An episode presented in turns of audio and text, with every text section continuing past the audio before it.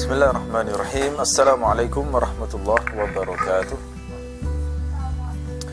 الحمد لله الحمد لله رب العالمين والصلاة والسلام على سيد المرسلين وإمام المتقين وعلى آله وصحبه ومن تبعه بإحسان إلى يوم الدين اللهم اغفر لنا ما قدمنا وما أخرنا وما أسررنا وما أعلنا وما أسرفنا وما أنت أعلم به منا أنت المقدم وأنت المؤخر وأنت على كل شيء قدير اللهم إنا نسألك علما نافعا ورزقا طيبا وعملا متقبلا أما بعد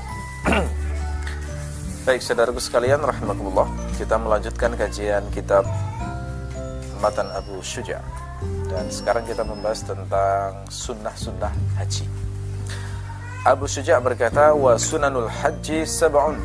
Sunnah-sunnah haji itu ada tujuh perkara. Patut saya beri tekanan ya bahwa tujuh sunnah haji ini itu adalah dalam penjelasan Abu Syuja' karena kalau kita berbicara tentang madhab Asy-Syafi'i atau pendapat mu'tamad madhab Asy-Syafi'i itu nanti ada beberapa poin yang dikoreksi oleh Mustafa Tibul Buha bukan sebagai sunnah-sunnah haji tetapi sebagai wajib haji. Kemarin kita sudah membahas bahwa dalam haji itu ada rukun haji ada wajib haji dan ada sunnah haji. Ini pentingnya membahas ini agar kita tahu prioritas dalam melaksanakan manasik haji itu mana yang harus didahulukan. Rukun haji adalah sendinya haji tidak boleh ditinggalkan. Karena begitu ditinggalkan maka haji menjadi rusak dan harus mengulang lagi pada kesempatan berikutnya. Wajib haji itu fardu haji. Ya, wajib haji itu harus dilakukan tetapi ketika ditinggalkan tidak rusak hajinya. Hanya saja wajib membayar dam. Sedangkan kalau sunnah haji maka itu dianjurkan untuk dilakukan. Kalau ditinggalkan maka itu tidak merusak haji dan juga tidak perlu membayar Sunnah-sunnah haji ada tujuh. Yang pertama adalah al-ifrad. Ifrad itu makna bahasanya adalah menyendirikan. Dari kata afroda. Ya, afroda maknanya menyendirikan. Maksudnya di sini adalah menyendirikan haji. Ya, jadi menyendirikan haji.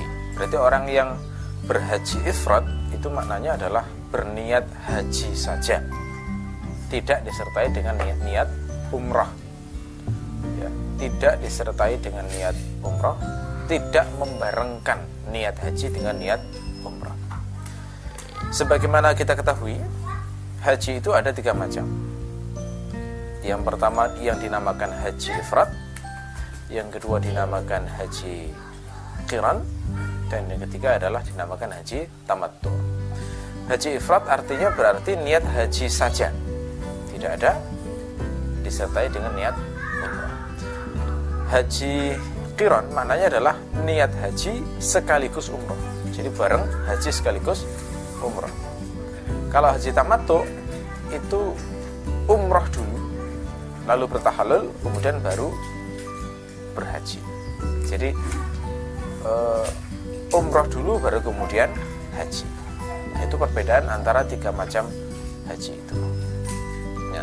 Untuk haji ifrad maka itu hanya berniat haji saja. Nah, biasanya kalau orang ingin umroh adalah setelah selesai haji baru kemudian umroh. Ya, makanya di sini Abu Syuja mendefinisikan ifrad itu adalah wahwa taqdimul haji alal umrah. Mendahulukan haji daripada umrah. Maksudnya awalnya niat haji saja begitu selesai baru kemudian melakukan umrah. nah ini beda dengan tamattu yang umrah dulu. Nah, umrah dulu tahallul setelah itu kemudian berniat ihram lagi pada saat di Mekah. Nah itu dinamakan haji tamattu.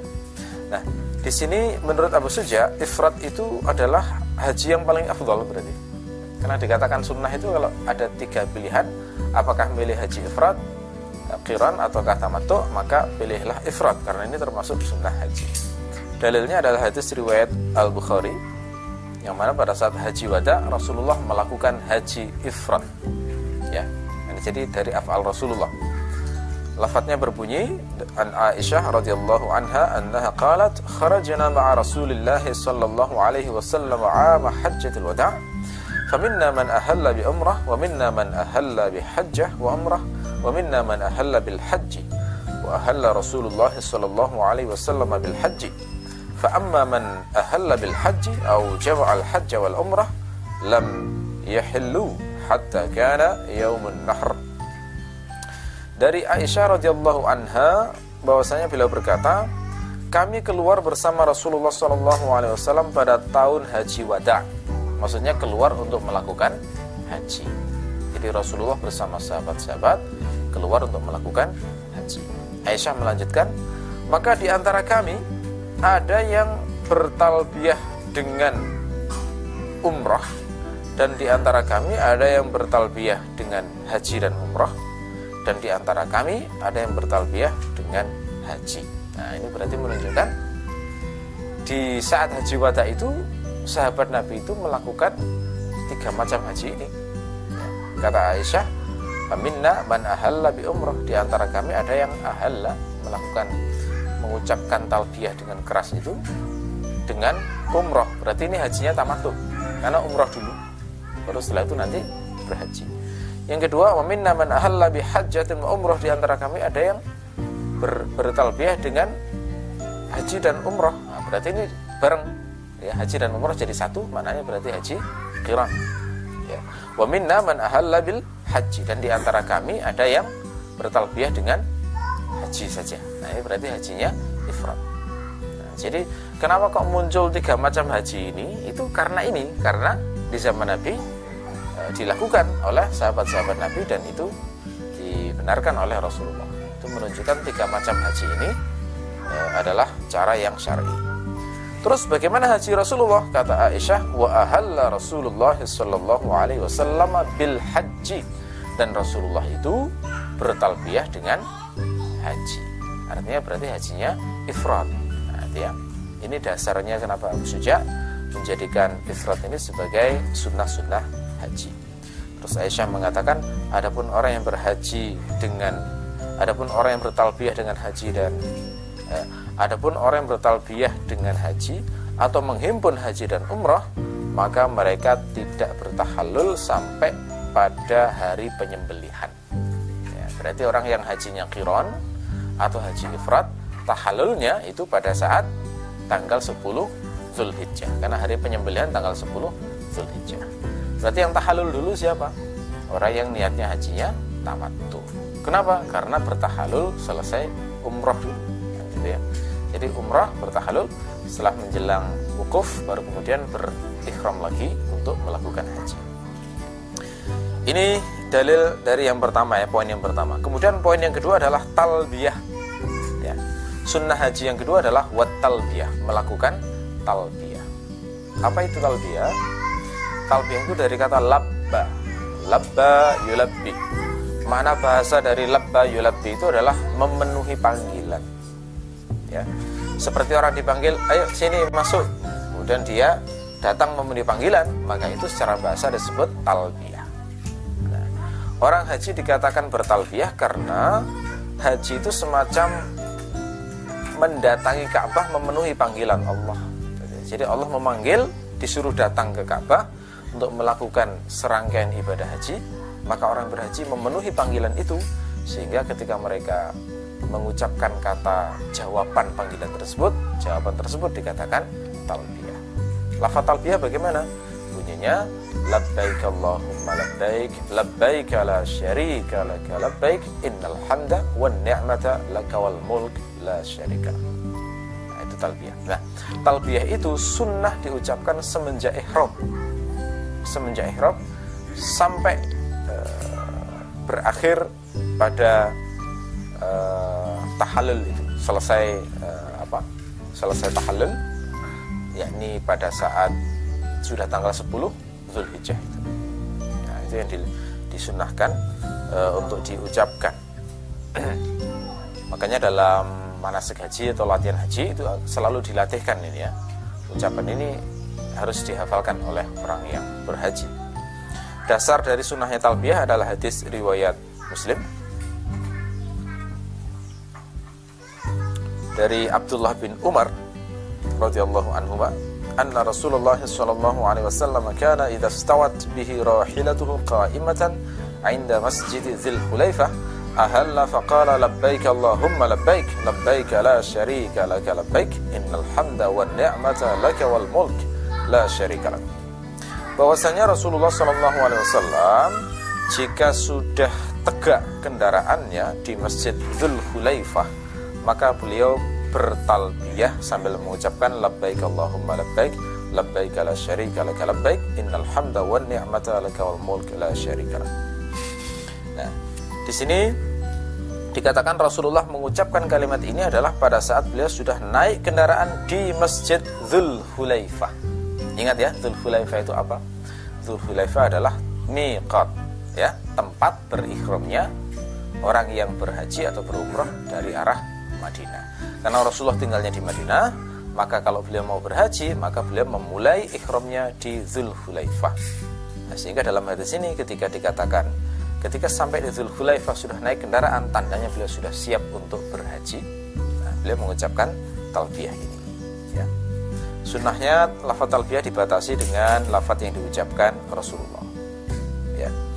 Kemudian kalau dalam riwayat Al-Bukhari talbiyah itu diucapkan sampai tiba di tanah haram seperti yang disebutkan oleh Nafi' beliau mengatakan qala kana ibnu Umar radhiyallahu anhuma idza shalla bil ghadat bi dzil khulaifah amara bi rahilatihi fa ruhilat thumma rakiba fa idza stawat bihi istaqbala al qiblah qa'iman thumma yulabbi hatta yablugha al haram ثم يمسك حتى إذا جاء ذا طوى بات به حتى يصبح فإذا صلى الغداة اغتسل وزعم أن رسول الله صلى الله عليه وسلم فعل ذلك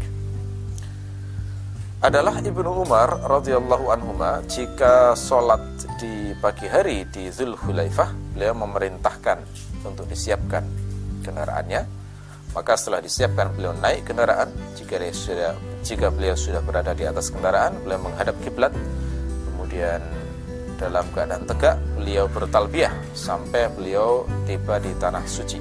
Lalu beliau berhenti hingga jika beliau sampai di Zutua maka beliau bermalam di situ hingga pagi kemudian beliau sholat e, di pagi hari. Jika beliau telah sholat di pagi hari maka beliau mandi dan mengatakan bahwa Rasulullah Shallallahu Alaihi Wasallam melakukan hal tersebut. Jadi itu yang kedua ya. Sunnah hajinya adalah bertalbiyah Kemudian sunnah yang ketiga adalah wa tawaful kudum, melakukan tawaf kudum. Nah, tawaf kudum itu apa? Tawaf kedatangan. Jadi tawaf pertama kali datang ke kota Mekah itu dinamakan tawaf kudum. Ini beda dengan tawaf ifadah ya. Tawaf ifadah yang kemarin saya terangkan yang termasuk rukun haji itu dilakukan pada tanggal 10 Zulhijjah. Kalau tawaf kudum itu tawaf yang dilakukan pertama kali sampai di kota Mekah. Kapan dilakukan itu? Ya tergantung orang ikhramnya kapan. Ya. Kalau dia ikhramnya tanggal 1 Syawal, ya kemungkinan dia tawaf kudumnya ya berarti tanggal 1 Syawal. Kalau ikhramnya dia tanggal 1 Zulhijjah, ya berarti tawaf kudumnya kemungkinan tanggal 1 Zulhijjah. Ini ini termasuk sunnah haji kata Abu Syuja didasarkan pada hadis riwayat Muslim dari Aisyah anna awwala syai'in bada'a bihi hina qadima Makkah annahu tawadda'a thumma tawafa bil bait. Bahwasanya pertama kali perkara yang dilakukan oleh Rasulullah ketika datang ke kota Mekah adalah berwudu kemudian tawaf mengelilingi Ka'bah. Ya, itu sunnah yang ketiga. Kemudian sun, uh, sunnah yang keempat adalah wal mabit bi Muzdalifah. Bermalam di Muzdalifah. Ya. Muzdalifah itu adalah area yang terletak di dekat kota Mekah. Jadi uh, ini masuk rangkaian ibadah haji setelah wukuf di Arafah, ya. Jadi kalau orang itu selesai eh, setelah berikhram, anggap aja misalnya dia berikhram tanggal 8 Zulhijjah misalnya ya.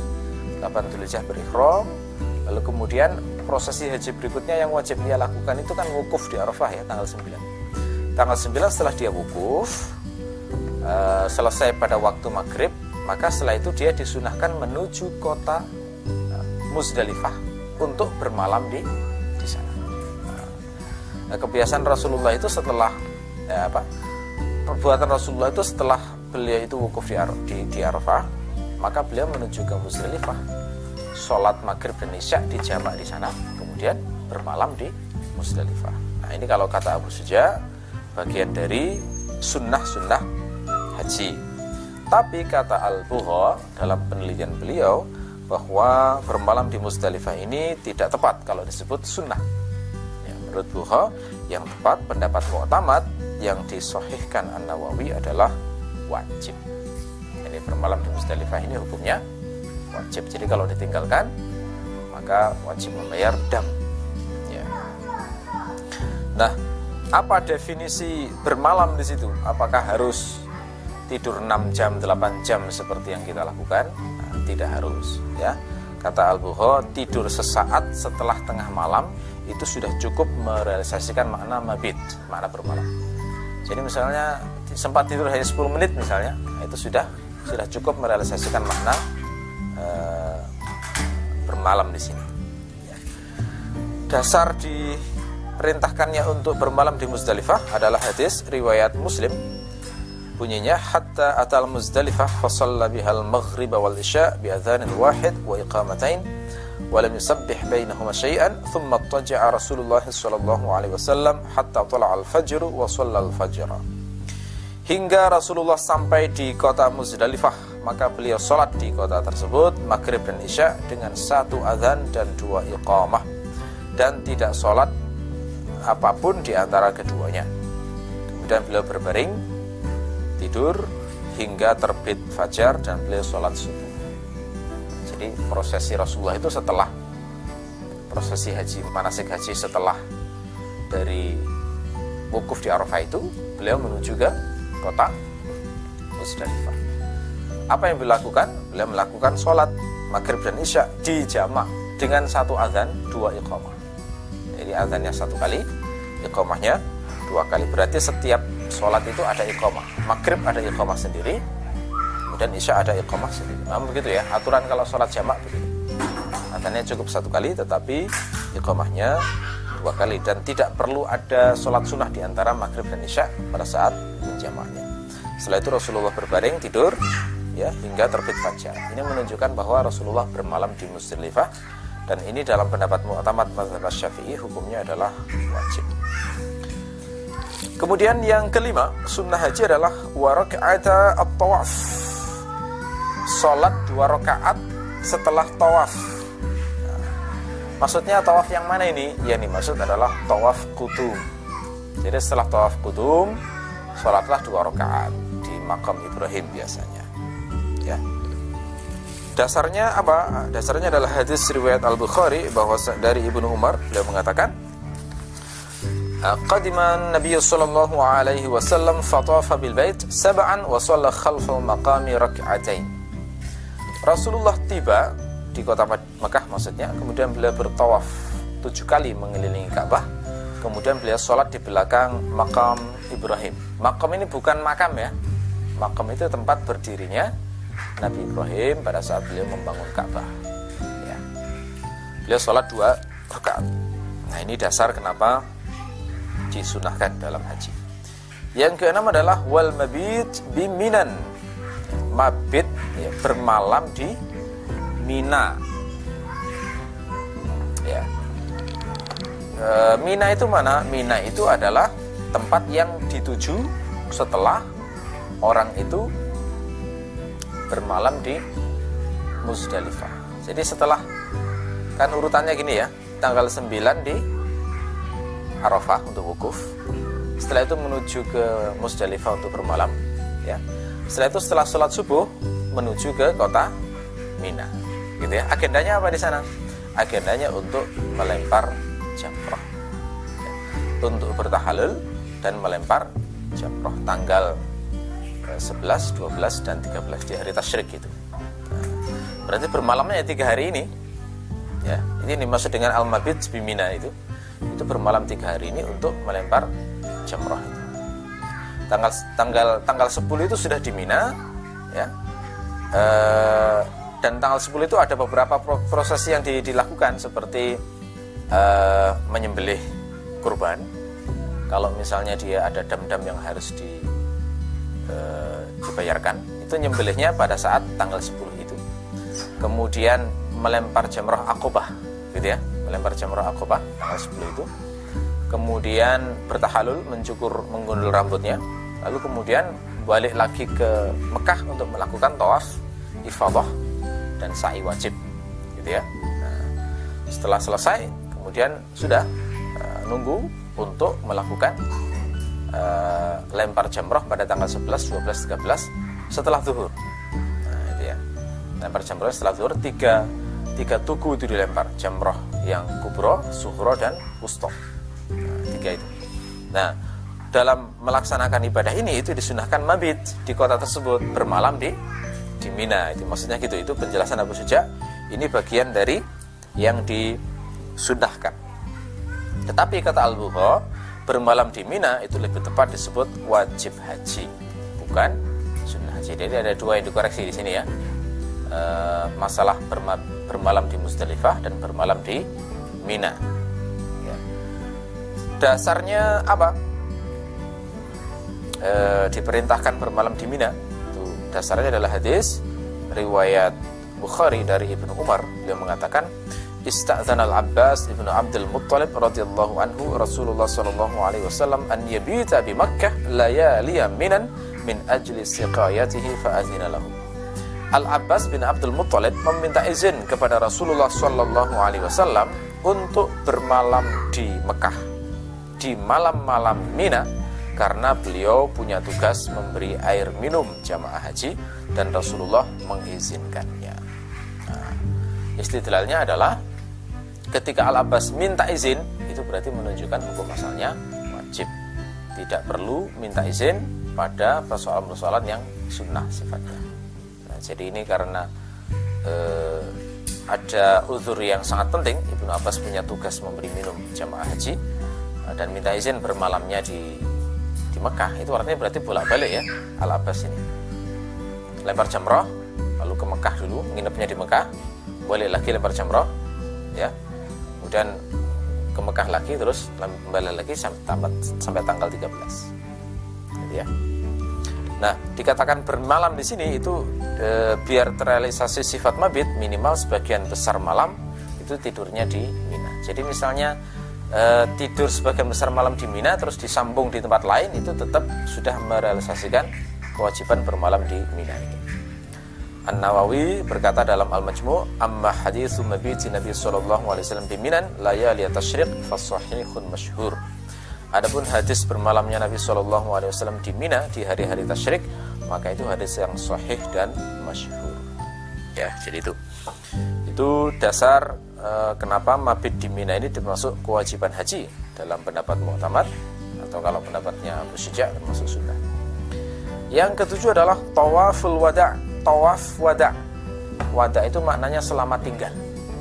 Berarti tawaf wada itu tawaf selamat tinggal ya berarti kalau sampai di sini kita bisa menyimpulkan ada tiga macam tawaf ya tawaf kudum tawaf ifadah dan tawaf wada ya.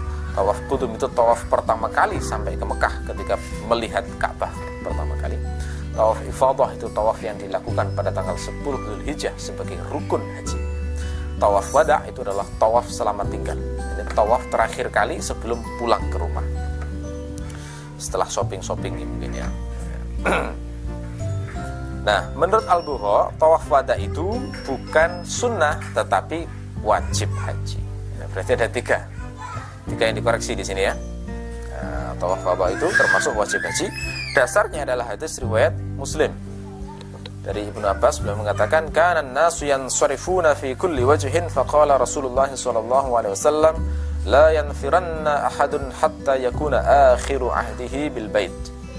Orang-orang pulang ke segala arah, maka Rasulullah SAW bersabda, janganlah salah seorang di antara kalian benar-benar pergi sebelum akhir dari penglihatannya adalah ke Ka'bah. Maksudnya akhirul ahdi di sini tawaf ya, perintah tawaf. Dan di sini ada ada larangan yang disertai dengan takkit nun takkit sakilah ya, barangkali dari sini kemudian digali hukum bahwa masuk wajib haji bukan uh, sunnah haji. Termasuk dalam riwayat Abu Dawud dari Ibnu Abbas beliau mengatakan kana nasu yansarifuna fi kulli wajhin?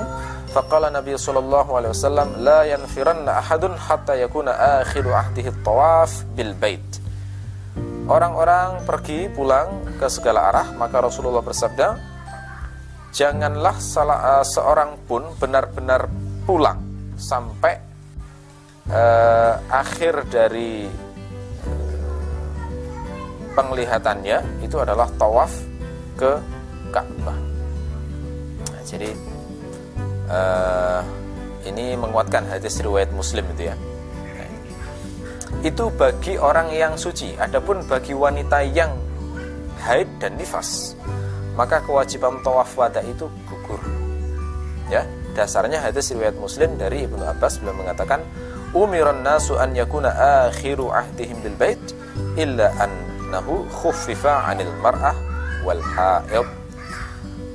Orang-orang diperintahkan bahwa akhir perbuatan mereka adalah tawaf di Ka'bah kecuali hanya saja diringankan bagi wanita yang sedang haid. Ya. Kata khufifa ini barangkali juga menjadi penguat bahwa itu hukum asalnya adalah wajib. Sementara bagi wanita diringankan tidak perlu untuk tawaf wada karena ada huzur itu. Ya. Lalu kemudian uh, Abu Suja melanjutkan wa yatajarradu rajulu indal ihram minal seorang lelaki bertelanjang. Tajarrada itu maknanya bertelanjang jadi melepaskan diri dari uh, segala pakaian. Indal ihram pada saat ihram minal makhiyat dari pakaian yang berjahit. Maksudnya jangan sampai memakai pakaian yang berjahit. Ini harus dilanjutkan kata minal makhiyat karena menerangkan minnya itu menerangkan ya tajarrad karena kalau hanya ya tajarrad saja dipahami saat ikhram harus telanjang. Kan nggak benar ya. Maksudnya ini adalah telanjang apa melepaskan diri dari segala pakaian yang berjahit. Lalu apa? Wayal basu izaron waridaan dan memakai izar dan rida. Jadi orang berhaji laki-laki itu e, perintahnya dalam memakai pakaian adalah memakai dua macam pakaian izar dan rida izar itu apa? Izar itu pakaian bawahan itu yang mirip sarung cuma tidak nyambung. Jadi mirip sewek itu ya. Di situ namanya izar. Sedangkan rida rida itu e, baju atasan yang diselempangkan ke dada biasanya ya pada saat orang berhaji nah, itu diperintahkan dilakukan ini didasarkan pada hadis riwayat Bukhari dari Abdullah bin Abbas beliau mengatakan intalaqa Nabi sallallahu alaihi wasallam minal Madinah ba'dama tarahhala ay tarajjala waddahana wa labisa izarahu wa ridaahu wa huwa huwa wa ashabuhu falam yanha an syai'in minal ardiyah wal uzur